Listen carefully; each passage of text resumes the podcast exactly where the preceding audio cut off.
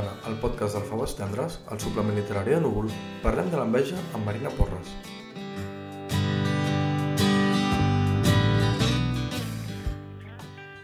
Benvinguts al podcast de Faves Tendres. Avui tenim amb nosaltres la Marina Porres, que ha publicat un assaig titulat L'enveja, que forma part d'una sèrie de, de set llibres encarregats per eh, Ignasi Moreta de l'editorial Fragmenta, que revisen els set pecats capitals de la tradició cristiana amb clau doncs, d'assaig doncs, i, i també amb clau generacional, perquè és, tots els set autors que formen part d'aquesta sèrie comparteixen un, més o menys una mateixa edat, eh? o tenen, són figures emergents de, de casa nostra. Marina, benvinguda a Faves Tendres. Gràcies, encantada. M'ha interessat molt l'assaig, eh, pas una, un recorregut per l'obra de Mercè Rodoreda, concretament Mirall Trencat, que és una novel·la que et permet molt bé d'explicar a partir dels personatges, sobretot, què és l'enveja, però també fas tota una sèrie de, de referències uh, literàries d'autors novel·listes, però també filòsofs, moralistes, uh, que han reflexionat sobre l'enveja.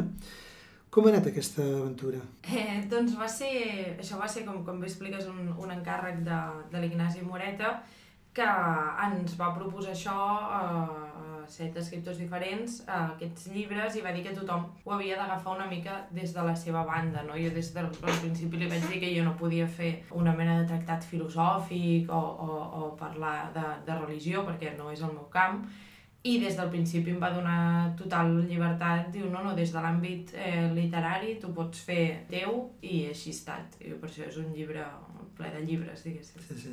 Una mica Rodoreda et serveix de fil conductor o de columna vertebral d'aquest assaig. Com ho vas agafar per, per aquesta banda?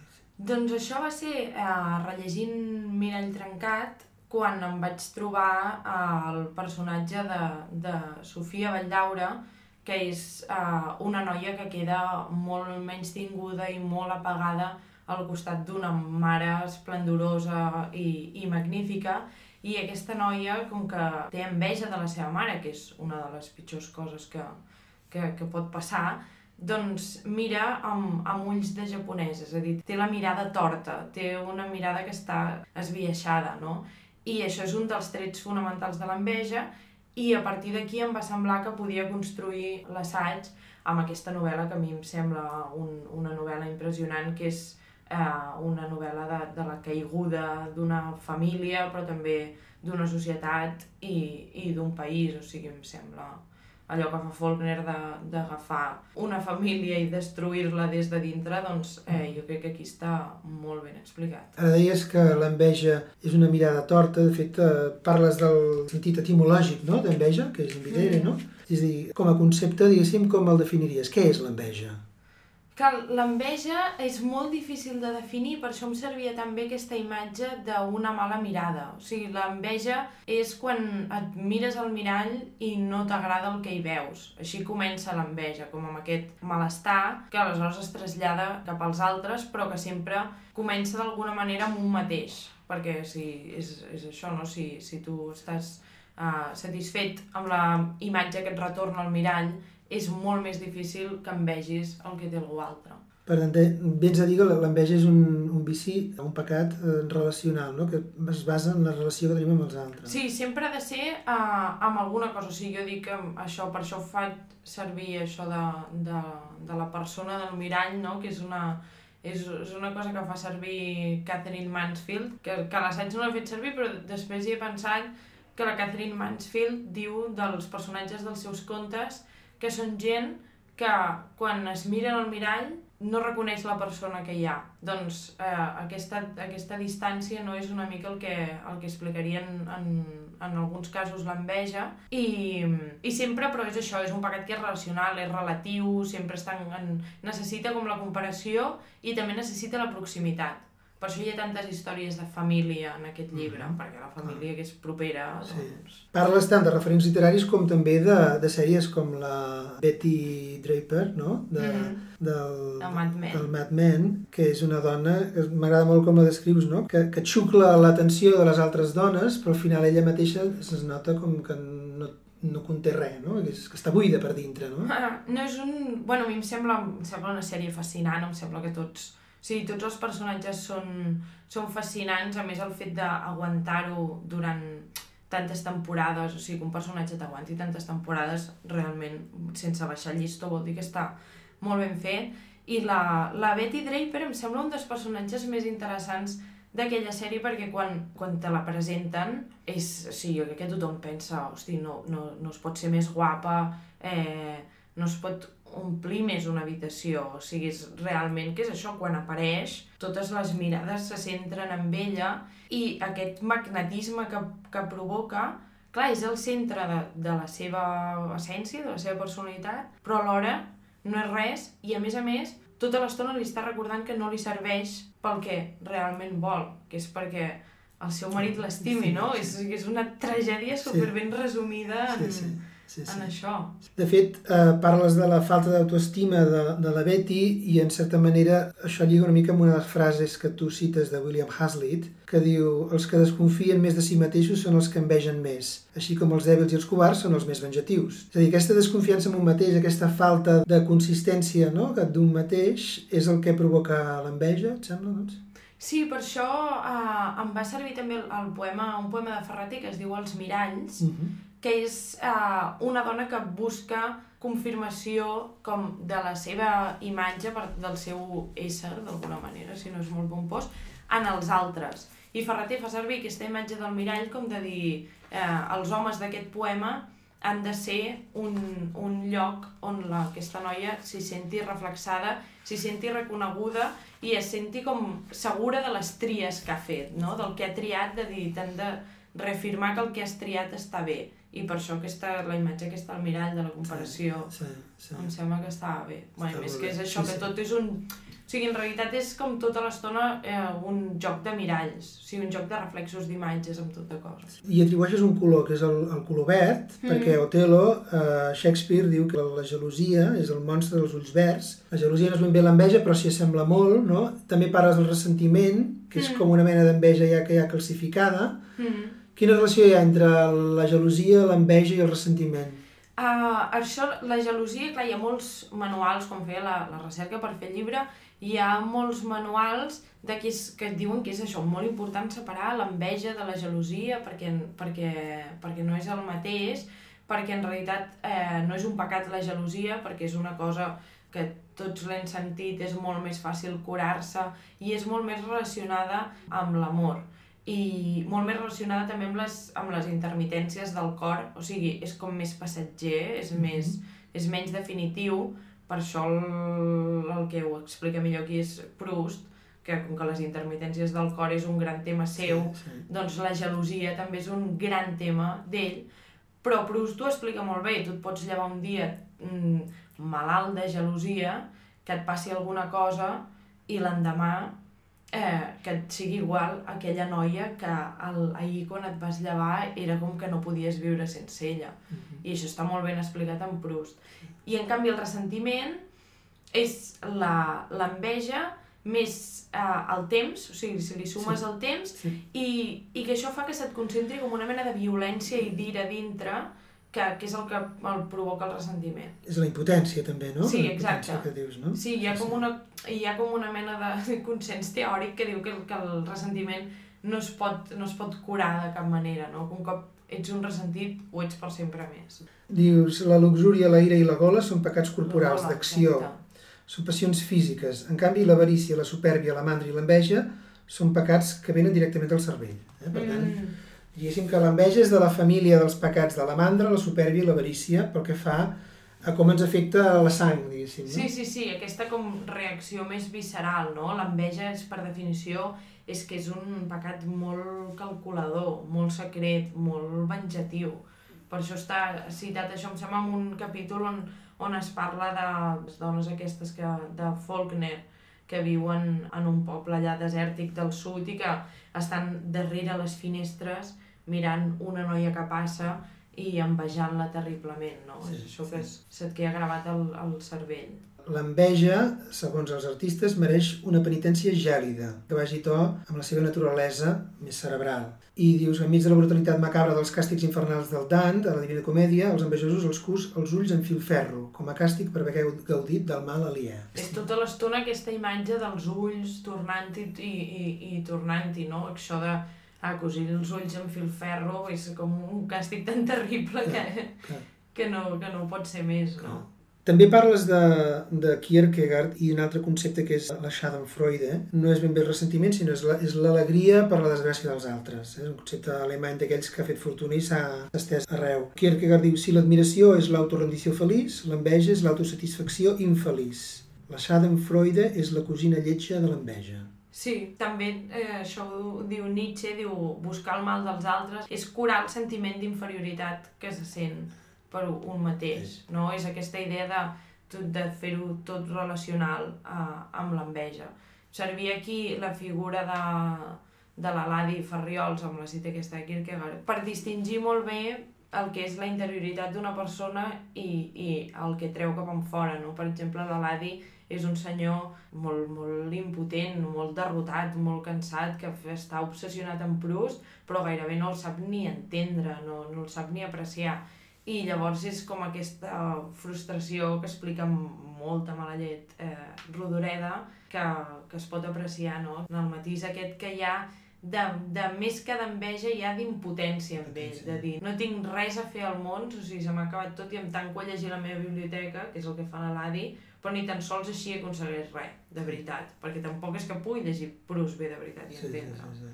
I clar, També parles molt de, de com la Teresa Valldaura tolera la infidelitat del seu gendre una mica perquè ja li, ja li sembla bé, no? I, sí, perquè entén que la seva filla no pot ser mai, no serà mai feliç. Eh, és terrible això, però... O sigui, és aquesta distinció que fa Rodoreda també en aquest llibre de gent que està a favor de la vida, o sigui, de gent que és favorable a la vida, que és favorable a la felicitat i a l'alegria, que són aquests personatges que bateguen al fons de Rodoreda i que són els que, que la salven, i gent que, que no està de part de la felicitat. I Sofia Valldaura és una noia que té la mirada japonesa, el, la mirada torta, que no podrà ser mai feliç perquè només fa que rendir-se davant de les coses que li passen, perquè no lluita.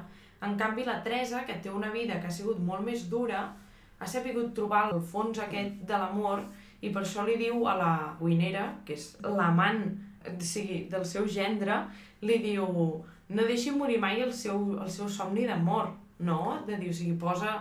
És com de dir, li importa més la felicitat de, de l'Armanda d'aquesta cuinera perquè hi pot veure eh, que hi ha alguna cosa de veritat que no la seva filla. Sí, és sí, sí, fort. sí. Ara que parles de la felicitat i l'enveja, també reculls una frase de Pla, no? que diu la condició per ser feliç és no ser envejós. Això ho explica ell fantàsticament a l'entrevista aquesta mítica amb, amb Soler Serrano. Sí. Clar, que ell fa una disquisició com...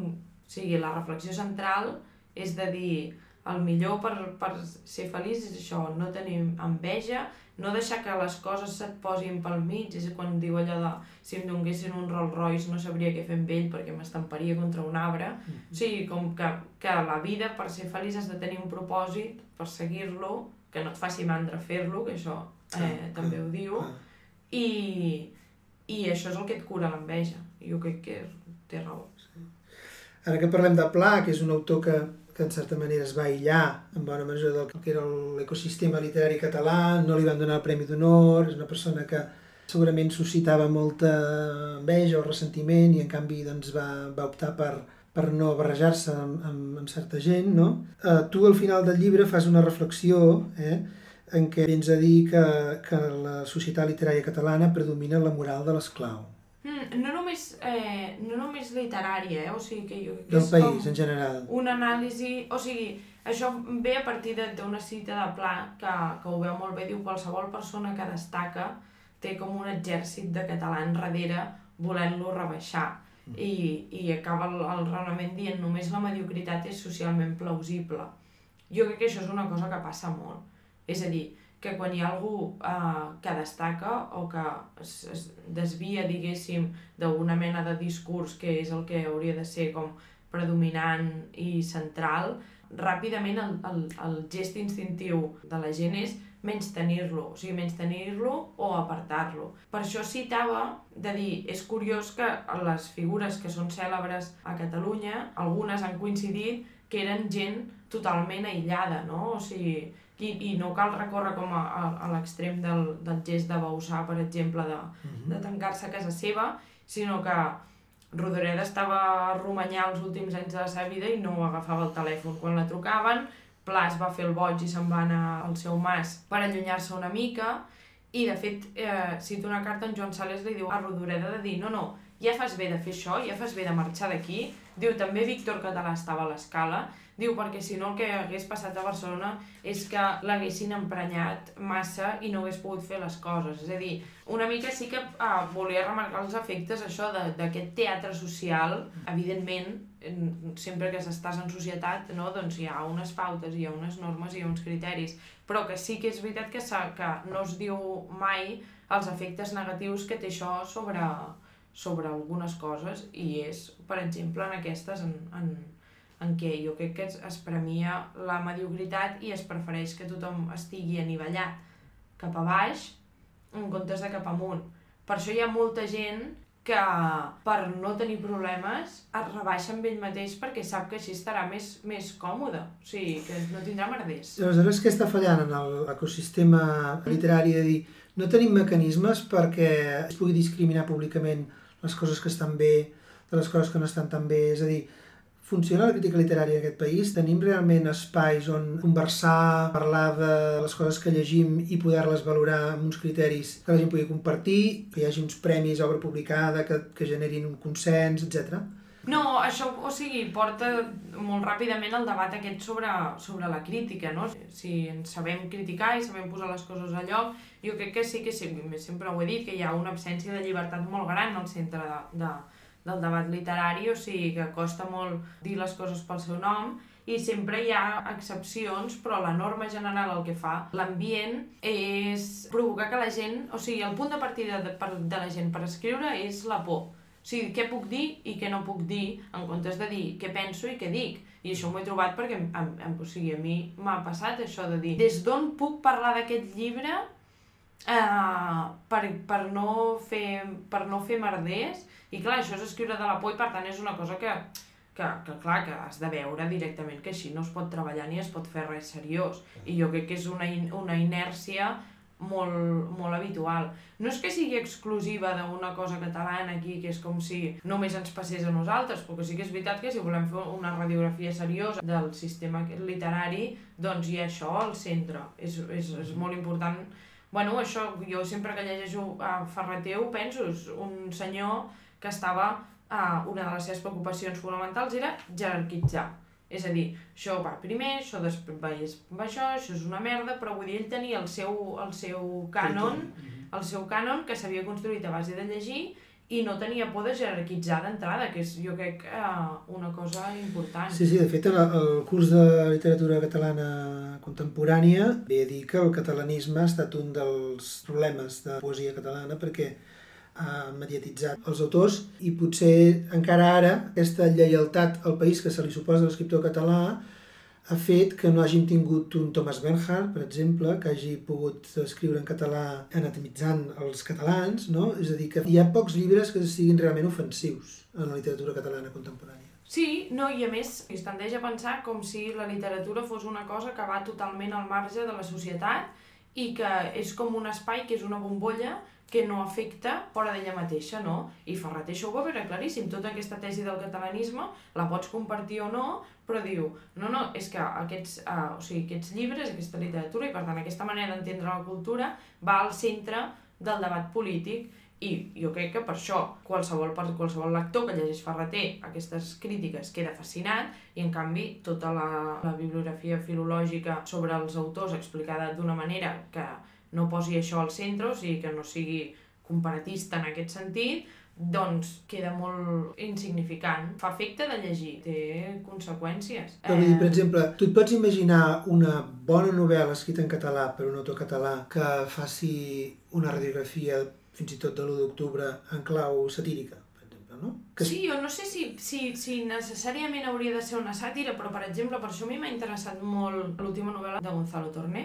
El, que és Sí. El corazón de la fiesta, és una novel·la política, problemàtica, ofensiva, violenta, i és una novel·la que afecta directament a l'espai públic, i llavors et pot agradar més o menys, però el fet que, que Torné hagi entès això i s'ho hagi pres seriosament, doncs jo trobo que és, que és un fet significatiu. Jo li deia a l'altre dia, si algú fes això en català, és uh, en català i diguéssim des d'una perspectiva catalana, uh, és una bomba. Clar.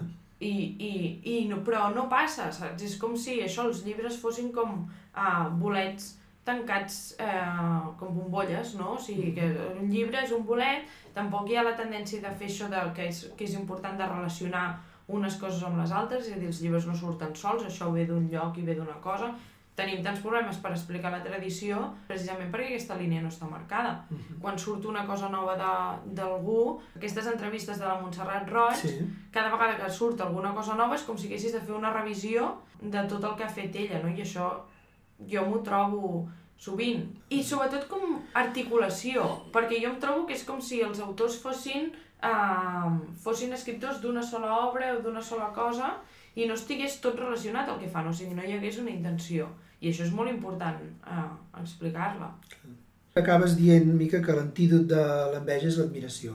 És a dir, que l'única manera de, de superar l'enveja que puguis sentir és transformar aquesta enveja en admiració i que per tu la ficció literària, la literatura, eh, t'ha ajudat a mirar cap amunt i admirar. Hmm. No? Eh, es- estàs dient potser que la literatura ens pot curar de l'enveja? No sé si, curar perquè és com un terme així molt, molt autoajúdic i, i terapèutic, però a mi sí que quan pensava en això de l'enveja, no?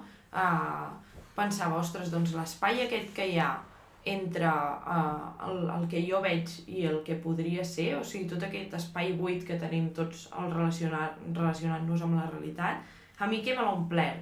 I, i és, sens dubte, la, la ficció, no? O sigui, el, el, el, el fet de veure que hi ha universos literaris tan ambiciosos, tan ben fets, tan creats, que són com realitats alternatives, no d'alguna manera, que es complementen amb la meva. És una relació que és... Mm, bueno, que tinc ganes d'explicar-ho com algun dia, no? Aquesta, aquesta relació entre, entre la realitat i la literatura i el paper que juga la, la imaginació al mig. Això és una cosa que va treballar molt Joan Ferreter com a, com a teòric i com a crític, que posa la, la, la imaginació al centre de l'acte de llegir.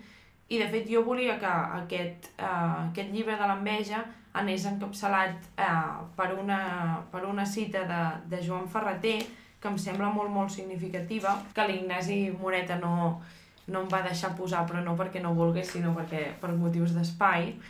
Però jo volia obrir amb aquesta cita de Joan Ferreter que diu Tota obra literària té un assumpte públic de realitat verificable com el té tota obra pictòrica.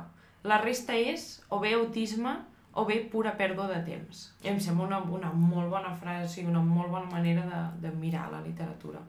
Interessant això que dius ara de la realitat verificable, no? perquè darrerament hi ha hagut una mica de polèmica al voltant de la figura de Joan Ferreter per tot el tema de la suposada relació que havia tingut Mm. amb un menor, que, Mm. que si hauria de ser considerada pederàstia o no. Mm.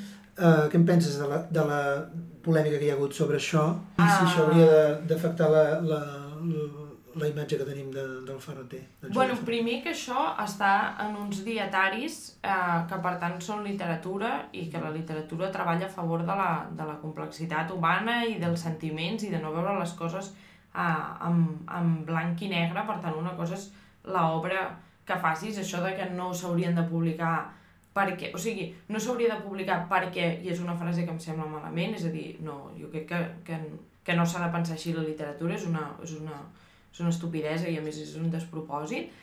I, i en realitat a mi em, em sorprèn aquest debat perquè si es llegeixen els, els dietaris de Ferreter es veu que eh, ell és un senyor molt frustrat, és un senyor que era homosexual, es va casar amb una senyora, li feien fàstic les dones, i ho escriu així.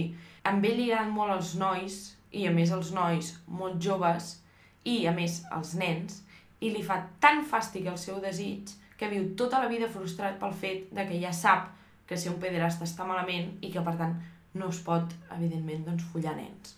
Llavors ell va per Roma i és una escena del primer dietari mirant les estàtues d'aquests nens que estan entre, entre la infantesa i l'adolescència que no ho descobreix Joan Ferreter, que, són, que tenen un atractiu eròtic, perquè, evidentment, ja està explicat, i, i llavors ell té aquest sentiment, però té aquell fa, aquest fàstic per ell mateix del fet que li passi això.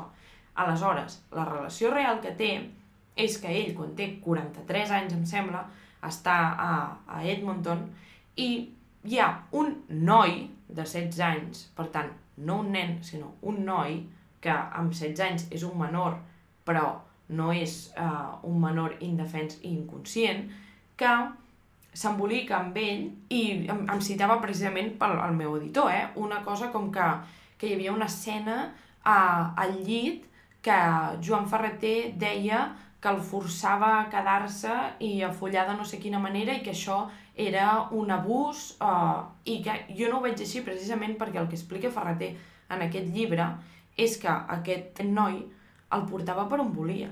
Sí, aquest era un noi de 16 anys que devia ser molt guapo, estar molt bo, Ferreter es va enamorar terriblement i a més ho posa de dir el meu primer gran amor ha estat amb 43 anys i el Daniel és l'únic amor de la meva vida i llavors aquest tio, el Daniel aquest, que el volen presentar com un nen indefens, ve a casa seva, el fa esperar tota la nit, llavors s'emboliquen, marxa i entra com vol de casa seva, li porta un amic seu i li diu no, és que ara estic embolicat amb aquest tio. O sigui, el que li passa a Ferreter és que en realitat és un pobre home que està sobrepassat per una relació una mica ridícula vista des de fora, francament, però amb un tio que en cap cas és uh, un nen indefens. O sigui, tu et pot fer fàstic que Ferreter s'emboliqués tenint 43 anys amb un tio de 16, però ni és pederàstia i és una relació que és consentida. Però és que a més el missatge important a dir aquí és que el món, o sigui, les relacions humanes són complicades, perquè sí. Llavors, eh, no hi ha coses simples a explicar quan es tracta de relacions humanes i la literatura precisament el que fa és explicar aquesta complexitat. És que si no, quin fàstic, o sigui, i quin... I quin... Sí, sí. Sí, que, que això no tindria... És el que dèiem abans, no? De literatura ens ha de posar al davant els conflictes, que les contradiccions Clar. que tenim i doncs, censurar això és censurar l'autoconeixement, al final, no? Moltes gràcies, Marina. Eh, hem d'acabar perquè no volem allargar-nos massa, però Eh, gràcies per, uh, per haver vingut al Faves Tendres de, de Núvol i fins aviat. Fins aviat, moltes gràcies a vosaltres.